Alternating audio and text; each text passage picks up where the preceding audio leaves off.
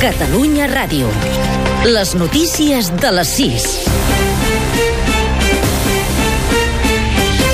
Bon dia, us informa Rosa Pujol. La Fiscalia ha confirmat que treballa en la querella contra Carme Forcadell després que dijous el Tribunal Constitucional ho deixés a les seves mans. La presidenta del Parlament podria ser acusada dels delictes de desobediència i prevaricació per haver permès la votació al Parlament del full de ruta. Aquests són els mateixos delictes als que s'enfronten Artur Mas, Joana Ortega, Irene Rigau i Francesc Homs pel 9-N. Mentrestant, el president de la Generalitat, Carles Puigdemont, adverteix que hi ha actituds involucionistes que amenacen la construcció democràtica. En un acte a l'Associació Catalana de Municipis, Puigdemont va comparar l'ofensiva de l'Estat contra el procés amb la situació que es vivia el 1981, any del cop d'Estat i de la fundació d'aquest organisme. Avui de cops d'estat militars no n'hi han, però sí que és veritat que encara continuem tenint involucions que amenacen allò que ja era clarament eh, una amenaça directa l'arquitectura democràtica s'estava construint. Avui en tenim d'altres i, per tant, de bé, des del món local, des del món institucional, hem d'estar sempre amatents, no baixar mai la guàrdia, de defensar els valors fundacionals de qualsevol societat democràtica.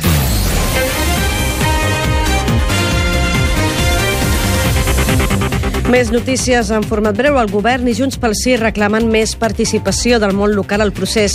El president Carles Puigdemont aposta per enfortir el paper dels ajuntaments amb l'objectiu de construir la república de la proximitat. I la portaveu parlamentària, Marta Rovira, demana als municipis accions per donar legitimitat al referèndum. I Mariano Rajoy vol evitar unes terceres eleccions i assegura que no posarà condicions al PSOE si l'ajuda a ser investit president. El president espanyol en funcions també ha dit que es guanyarà la governabilitat dia a dia. Més de 140 persones han mort i gairebé 600 més han resultat ferides aquesta matinada en uns bombardejos aeris a la capital del Iemen, Sanà, segons ha informat el coordinador humanitari per la ONU en un comunicat. Els rebels xiites hutis atribueixen els atacs a la coalició àrab liderada per l'Aràbia Saudita, una acusació que des de Riyadh neguen. Però de moment els Estats Units ja han dit que revisaran el seu suport a aquesta coalició. I Donald Trump descarta abandonar la cursa per la Casa Blanca, tot i l'escàndol que han generat els Estats Units Units els seus comentaris masclistes en una gravació del 2005. Quan falten poques hores pel debat televisat amb la seva rival Hillary Clinton, no paren de créixer les veus en el Partit Republicà que exigeixen la seva dimissió.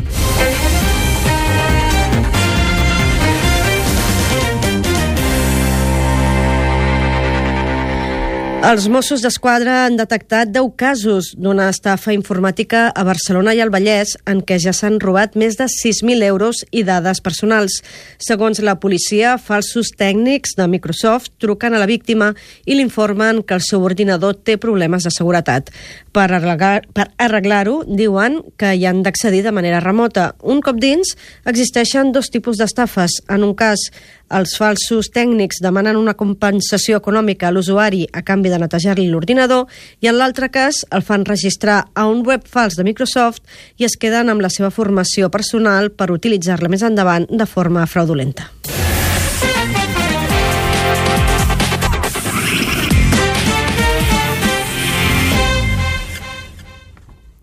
Els esports, el Nàstic de Tarragona i el Reus van empatar els seus partits ahir a la jornada de la segona divisió. El Reus a 0 a casa contra el Tenerife. L'equip de Nacho González continua provisionalment a la zona de promoció d'ascens cinquè. El Nàstic va empatar a 4 al camp de l'Elx, un partit que van arribar a perdre per 3 a 1 i on es van situar per davant de 3 a 4. L'equip grana continua en zona de descens i sense guanyar cap partit. És penúltim amb 6 punts. Aquest diumenge el Girona juga al camp del Cádiz i en partits de classificació pel Mundial, la selecció espanyola amb els catalans Piqué, Busquets i Sergi Roberto, que a priori descansarà per unes molèsties en un adductor, jugarà al camp d'Albània. I avui, a les 7 del matí, d'aquí a una hora, comença el Gran Premi del Japó de la Fórmula 1. Nico Rosberg surt de la pol per davant del seu company d'equip, Lewis Hamilton, a la primera fila de la graella. Fins aquí les notícies.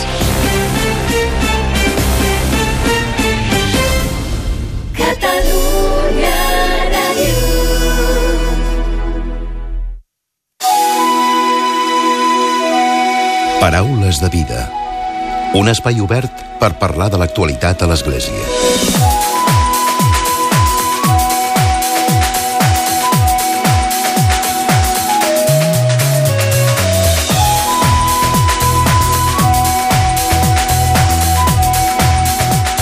Què tal? Salutacions i molt bon dia, molt bon diumenge. El doctor en filosofia Jordi Pigem ha estat guardonat amb el 25è Premi Joan Maragall per l'obra Àngels i robots, la interioritat humana en la societat hipertecnològica a la llum de Gardini, Pàniker i l'encíclica Laudato Si, que atorga la Fundació Joan Maragall a una obra d'assaig o d'investigació sobre cristianisme i cultura.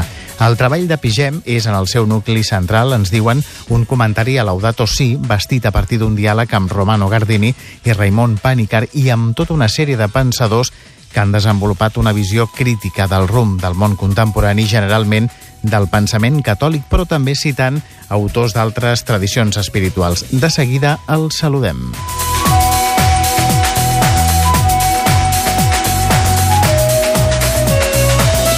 I com sempre, a la recta final del programa arribarà un nou comentari de l'actualitat de Francesc Romeu. Comencem.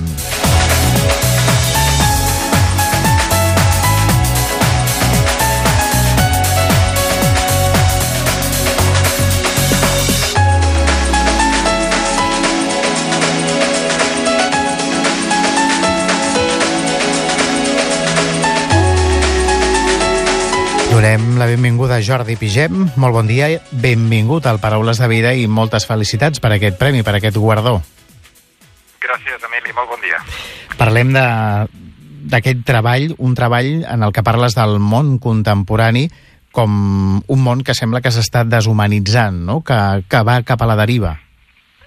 Sí, eh, a mi m'ha interessat molt l'anàlisi que fa l'encíclica Laudato Si, l'encíclica que, que el papa va publicar l'any passat, sobre eh, alguns trets del món contemporani que inclouen aquesta deshumanització.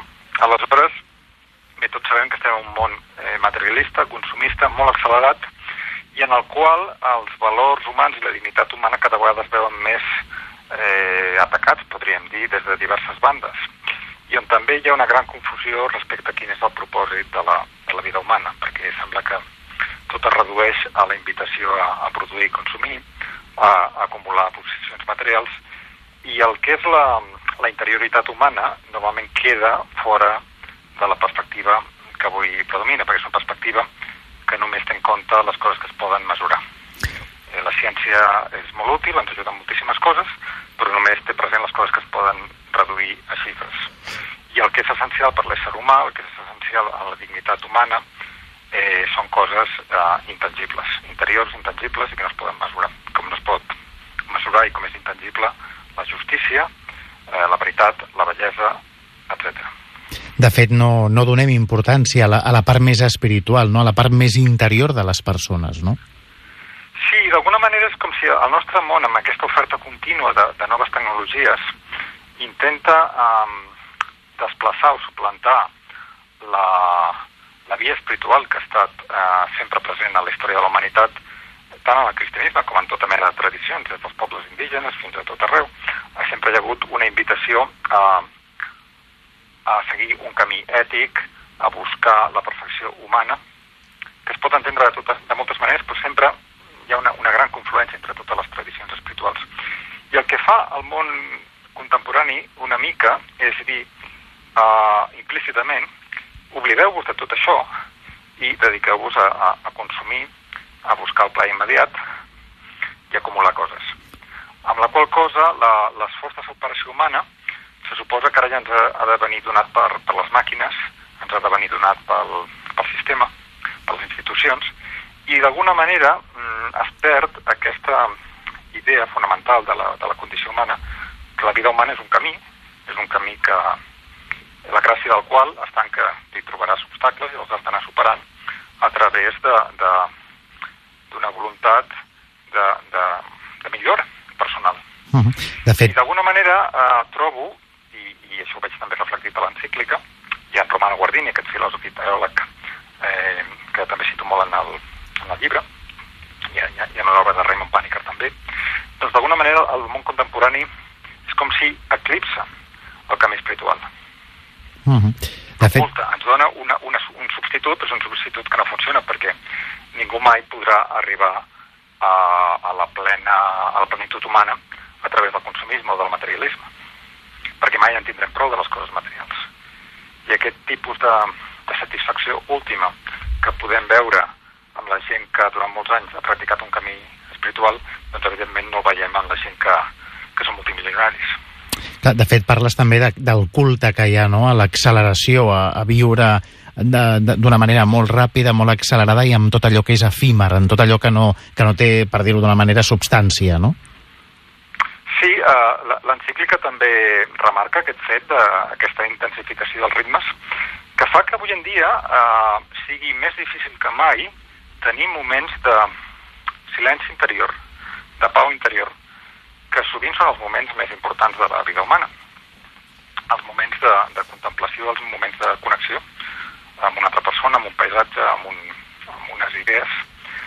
Um, això, aquesta pau interior, aquest silenci interior que és tan important per la realització humana, es veu assetjat per tota mena de missatges electrònics, de sorolls diversos i d'aquest aquest ritme que fa que, que se suposi que tots hem d'estar 24 hores mm, connectats, disponibles a l'abast, quan eh, la maduració de la persona humana requereix moments de, de recés, de silenci, etc. Però el que el paradigma tecnocràtic, el paradigma tecnocràtic és que usa l'encíclica per referir-se a aquesta visió del món que avui domina, que ho redueix tot a paràmetres eh, tecnològics, quantitatius, ho redueix tot el que convé a les màquines i no a les persones. Mm -hmm. Doncs bé, eh, aquest paradigma tecnocràtic és enemic de l'anterioritat humana i és enemic del silenci i de la pau interior i voldria, eh, eh, et dona a entendre que, que si tu estàs una hora en silenci, meditant, pregant, contemplant, sembla que això sigui una pèrdua de temps perquè no és productiu en termes tecnocràtics, quan en realitat això pot aportar moltíssim al teu creixement personal i espiritual.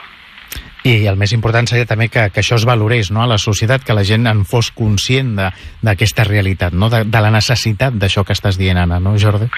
Sí, però el que jo constato en aquest treball, en aquest assaig, és que, um, que no n'hi ha prou a mantenir la visió materialista del món que tenim i afegir petits moments de, de recolliment, de, de silenci, sinó que crec, i, i veig que també és la perspectiva de l'encíclica, crec que uh, és necessari canviar profundament, transformar la nostra visió de, del nostre lloc en el món, la nostra visió de què és la, la vida humana, l'existència humana, la nostra visió de la relació amb, amb la Terra, mm, i incorporar una visió que sigui molt més espiritual. És a dir, no n'hi ha prou amb afegir un vernís de valors i d'espiritualitat al nostre món materialista, sinó que crec que cal capgirar els, els valors i la visió del món que hi ha al de sota i adonar-nos que el propòsit de la vida no és eh, competir i consumir, sinó que el propòsit de la vida és la realització de la persona, eh, tenim present i ajudant a la realització de les altres persones, tenim present les qüestions socials i les qüestions ecològiques eh, en les quals fa molt, molt d'èmfasi també l'encíclica. Jordi, i l'assaig del que estem parlant, del teu assaig, que com hem dit és un comentari a Laudato Si, però també és d'un diàleg, i com tu deies, amb, amb Romano Guardini, amb Raymond Paniker, però també amb, amb altres autors que no tenen, no, no, són, no, no tenen per què ser de pensament catòlic, oi? Sinó que hi ha una, un espectre molt, molt ampli, no?, de mires? Sí, bàsicament aquest assaig és, és, un, és un comentari de, de Laudato Si, de l'encíclica del papa, basat, com, com dèiem, en, en aquests dos filòsofs i teòlegs, Guardini i Pàniker, tots dos filòsofs i teòlegs a la vegada. També eh, aprofitant el pensament d'altres pensadors, eh, molts d'ells catòlics, i també citant eh, dos eh, persones del món de l'Església Ortodoxa, un és el patriarca Bartomeu I, que el mateix papa el cita moltes vegades al, al, a Laudato Si, a l'encíclica, i l'altre és, un, és un filòsof i teòleg, Philip Sherrod, que, que llegeix per una altra banda i que també trobo que, que té idees molt rellevants. I aleshores, fora d'aquest àmbit, eh, diguéssim, europeu, l'únic pensador que cito és un filòsof, un místic musulmà, eh, contemporani que es diu Nasser, que és professor als Estats Units, i que també em va semblar que, que era rellevant per, eh, des d'una tradició que és, que és relativament propera, també complementar aquest comentari. Mm -hmm. Jordi, ja per acabar, mm, diguéssim que la conclusió de, del teu assaig mm, seria que hem de deixar més, mm, més a banda les màquines, el que és la tecnologia, i viure més, eh, més per nosaltres mateixos i, més, eh, i potenciar més la vida interior, la vida espiritual, no? Un, una conclusió de l'assaig seria, efectivament, que hem de deixar d'admirar tant les màquines i la tecnologia i admirar-nos més a nosaltres mateixos. Admirar més el miracle de la condició humana, eh, que cap màquina mai no arribarà a res comparable. Perquè avui en dia estem com, com fascinats sovint per les, per les tecnologies i per les màquines.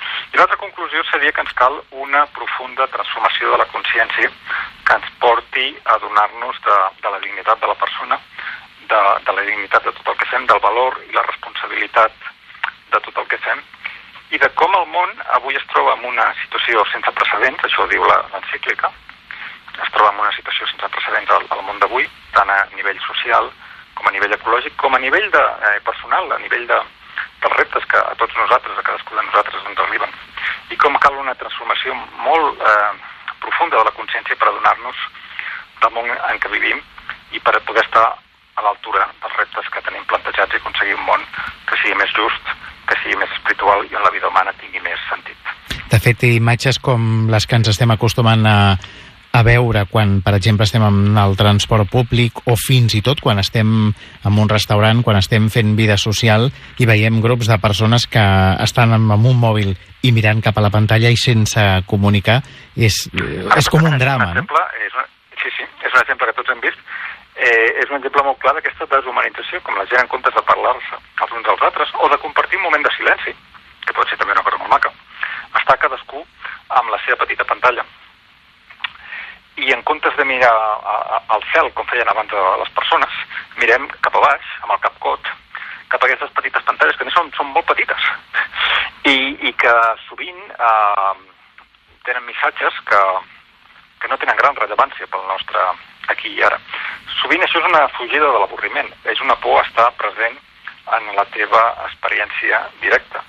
És una por al silenci interior, que alguna vegada efectivament poden ser missatges que són molt importants, però la immensa majoria de les vegades eh, és, una, és una distracció constant que t'impedeix estar a prop de tu mateix. És a dir, et desconnecta. Tot i que se suposa que això ens fa estar connectats, en realitat et desconnecta de les persones que tens al teu voltant, que perquè sovint les persones ni, ni es miren, però sobretot, i encara més greu, et desconnecta de tu mateix o de tu mateixa, perquè no et deixa gaudir d'aquests moments de, de tranquil·litat interior. És com si invadeix uh, contínuament, en tot de, de pampallugues i de sollets, invadeix el teu espai interior. Mm. Àngels... I aquest espai interior l'hem de protegir perquè és el tresor més important de l'existència humana. Mm -hmm. Àngels i robots, la interioritat humana en la societat hipertecnològica, la llum de Guardini, Pànicar i l'encíclica Laudato Si. Aquest és el títol de l'obra de Jordi Pigem, de l'assaig de Jordi Pigem, l'obra guanyadora del 25è Premi Joan Maragall. Jordi, gràcies per haver-nos atès avui i enhorabona. Moltes gràcies, Emili, i que tingueu molt bon dia. Paraules de vida. Un espai obert per parlar de l'actualitat a l'Església. I tot seguit arriba el comentari de l'actualitat de Francesc Romeu. Francesc, molt bon dia. Molt bon dia a tothom. El cap de setmana passat el papa francès va fer un viatge que ha passat bastant desapercebut pels mitjans de comunicació, atès que ha visitat la regió europea del Caucas, una zona on justament els catòlics són clarament una molt petita minoria. El dissabte passat, 1 d'octubre, el papa va anar a Geòrgia, on els catòlics són només el 2,5% de la població, enmig d'una immensa majoria de cristians ortodoxos i de molta gent que encara viu sota l'herència negativa de la cultura soviètica, que els ha portat a un indiferentisme religiós. Per això el papa francès va ser molt clar en les seves afirmacions, tot procurant d'establir un bon treball ecumènic de diàleg amb els cristians no catòlics. En la trobada que va tenir amb el clergat catòlic de Geòrgia a l'església de l'Assumpció, Francesc va dir que el gran pecat avui de l'ecumenisme és justament el proselitisme, és a dir, el fet de voler convertir a l'altre quan aquest justament ja és cristià. Amb molta fermesa i rotunditat, el papa va reclamar que no ens hem de barallar mai.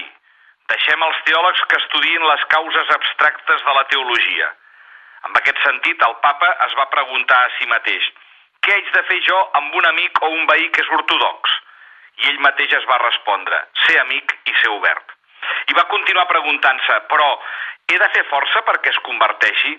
Aquest és el gran pecat contra l'ecumenisme, el proselitisme. Mai s'ha de fer proselitisme amb els ortodoxos. Ells són els nostres germans i germanes, deixebles de Jesucrist. Fins i tot, per reforçar aquesta idea, el papa va remarcar que la divisió entre els cristians es deu a situacions històriques molt complexes, gairebé alienes a aquesta necessitat concreta de trobada i de convivència en la vida quotidiana. Aquestes paraules encara van quedar més subratllades amb l'abraçada fraterna que s'havien donat al papa Francesc i el gran patriarca de tota Geòrgia, Elias II, el dia anterior al Palau del Patriarcat i que van tornar a repetir el dia després a la catedral patriarcal de Svetlitjoveli, a Mijetta. Justament allà és on el papa va demanar de continuar el diàleg ecumènic amb l'Església Ortodoxa de Geòrgia, amb l'esperança per tal de resoldre les contraposicions i de remoure els obstacles. Un dels principals obstacles, justament, són les objeccions que els teòlegs ortodoxos georgians posen al primat del papa. Potser per això el gran patriarca de Geòrgia, Elias II, va voler manifestar el seu afecte pel successor de Pere, tot dient-li que voldria expressar una altra vegada santedat la meva més profunda estima i amor fratern per vostè. El patriarcat també va recordar la sang dels màrtirs del segle XIII a Tiflis per argumentar que la nostra unitat es troba en la veritable fe i solament és la veritable fe la que educa la humanitat. El dia després, el diumenge passat, 2 d'octubre, el papa va anar a Azerbaijan, un altre lloc on els catòlics i tots els cristians viuen en total i absoluta minoria, al costat aquesta vegada d'una gran majoria musulmana, xiita, i on l'estat islàmic i el fonamentalisme volen carregar-se el diàleg entre les religions i la població. Justament en el centre de la fe islàmica d'aquest país caucàsic, a la mesquita d'Eidar Aliyev, a la ciutat de Baku, en una trobada interreligiosa amb el xeic musulmà i amb els representants de les altres comunitats religioses, el papa va afirmar que Déu no pot ser invocat per interessos partidistes o amb finalitats egoistes. No pot justificar cap mena de fonamentalisme, imperialisme o colonialisme. No es poden utilitzar, doncs, gomes d'enganxar artificials que obliguin a l'home a creure, imposant-li una determinada creença o privant-lo de la llibertat d'elecció. Tampoc han d'entrar en les religions els claus externs dels interessos humans, de l'ambició, del poder o del diner.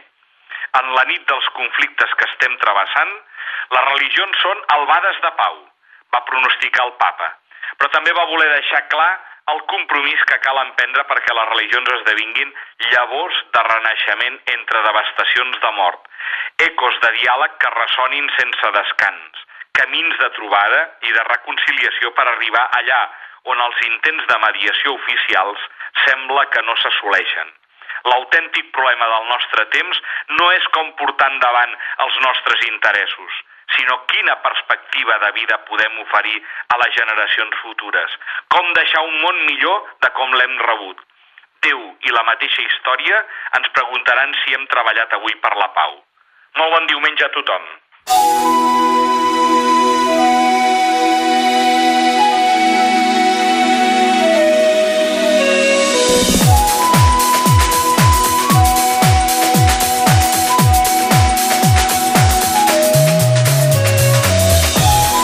Final al Paraules de Vida d'avui diumenge. En Josep Maria Campillo ha estat el control tècnic i qui us ha parlat l'Emili Pacheco. Que passeu un bon diumenge i una molt bona setmana. Adéu-siau. Us oferim la carta dominical de l'arcabisbe de Barcelona, Joan Josep Omella.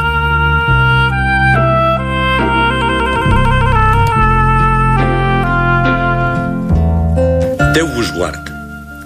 Una de les preguntes més fonamentals que tot ésser humà es planteja és què és la felicitat i com aconseguir-la.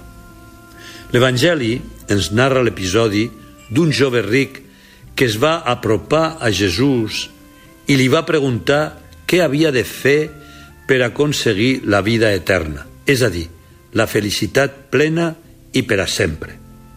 Coneixem la resposta que li va donar el Senyor, però m'agradaria que llegéssim aquesta paràbola abans de comentar la resposta de Jesús a aquest jove. La paràbola diu així. A la porta de la felicitat arriba un home a la plenitud de la vida. El seu pas és ferm i decidit. Una força invisible sembla atraure'l cap allà. Colpeja la porta amb força i esperançat. Surt el guardià que mirant-lo fixament i com sorprès li pregunta «Què desitja?» «No és aquesta la porta de la felicitat?» pregunta el bon home. «Sí, aquesta és la porta, però aquesta no és la teva hora». El nostre home es queda una mica perplex, desconcertat i sense capacitat de reacció. Després d'uns segons de vacilació, s'asseu a terra i queda compensatiu, abstret. Així passa una llarga estona. Després comença a mirar al seu voltant curiosament. La porta, les finestres, l'edifici, com si busqués una manera d'accedir i de burlar el guardià. Cap solució sembla convèncer-lo. Nerviós, lluita entre el desig i el dubte, la indecisió, fins que per fi es decideix a cridar novament. Em va dir vostè que aquesta era efectivament la porta de la felicitat, però que no era la meva hora. Quina és, doncs, la meva hora? Què haig de fer? El meu paper només és aquest. No puc dir-li res més. Com li sembla mur infranqueable, intenta abordar-lo d'una altra manera. Inicia una conversa amb ell, parla de mil coses, intenta caure-ell simpàtic, l'observa molt, estudia les seves reaccions i punts flacs, però res. No hi ha solució d'endoll. Cansat i sense aconseguir res, s'estira al terra a pensar, a jugar el sol i cantar, dormir, qui sap si alguna vegada, per casualitat, descuit o aprofitant l'arribada d'algun altre, pot entrar. Allò és avorrit, insuportable, però què cal fer? Com anar-se'n si aquella és la porta de la felicitat, la seva felicitat? Passen mesos i anys sense més preocupació que les d'organitzar la seva solitud perquè l'espera sigui el més agradable possible. Tot pagarà la pena per quan arribi la felicitat. Molt malalt i envellit, sent com va defallint. Potser el seu estat inspira compassió al guardià i el deixa entrar. Per aquest motiu, fent un últim esforç, s'apropa i li diu un altre cop, preguntam amb la seva veu, ja som morta. Com és que, sent aquesta la porta de la felicitat, no ha vingut ningú quan en el món la gent es mata per aconseguir-la?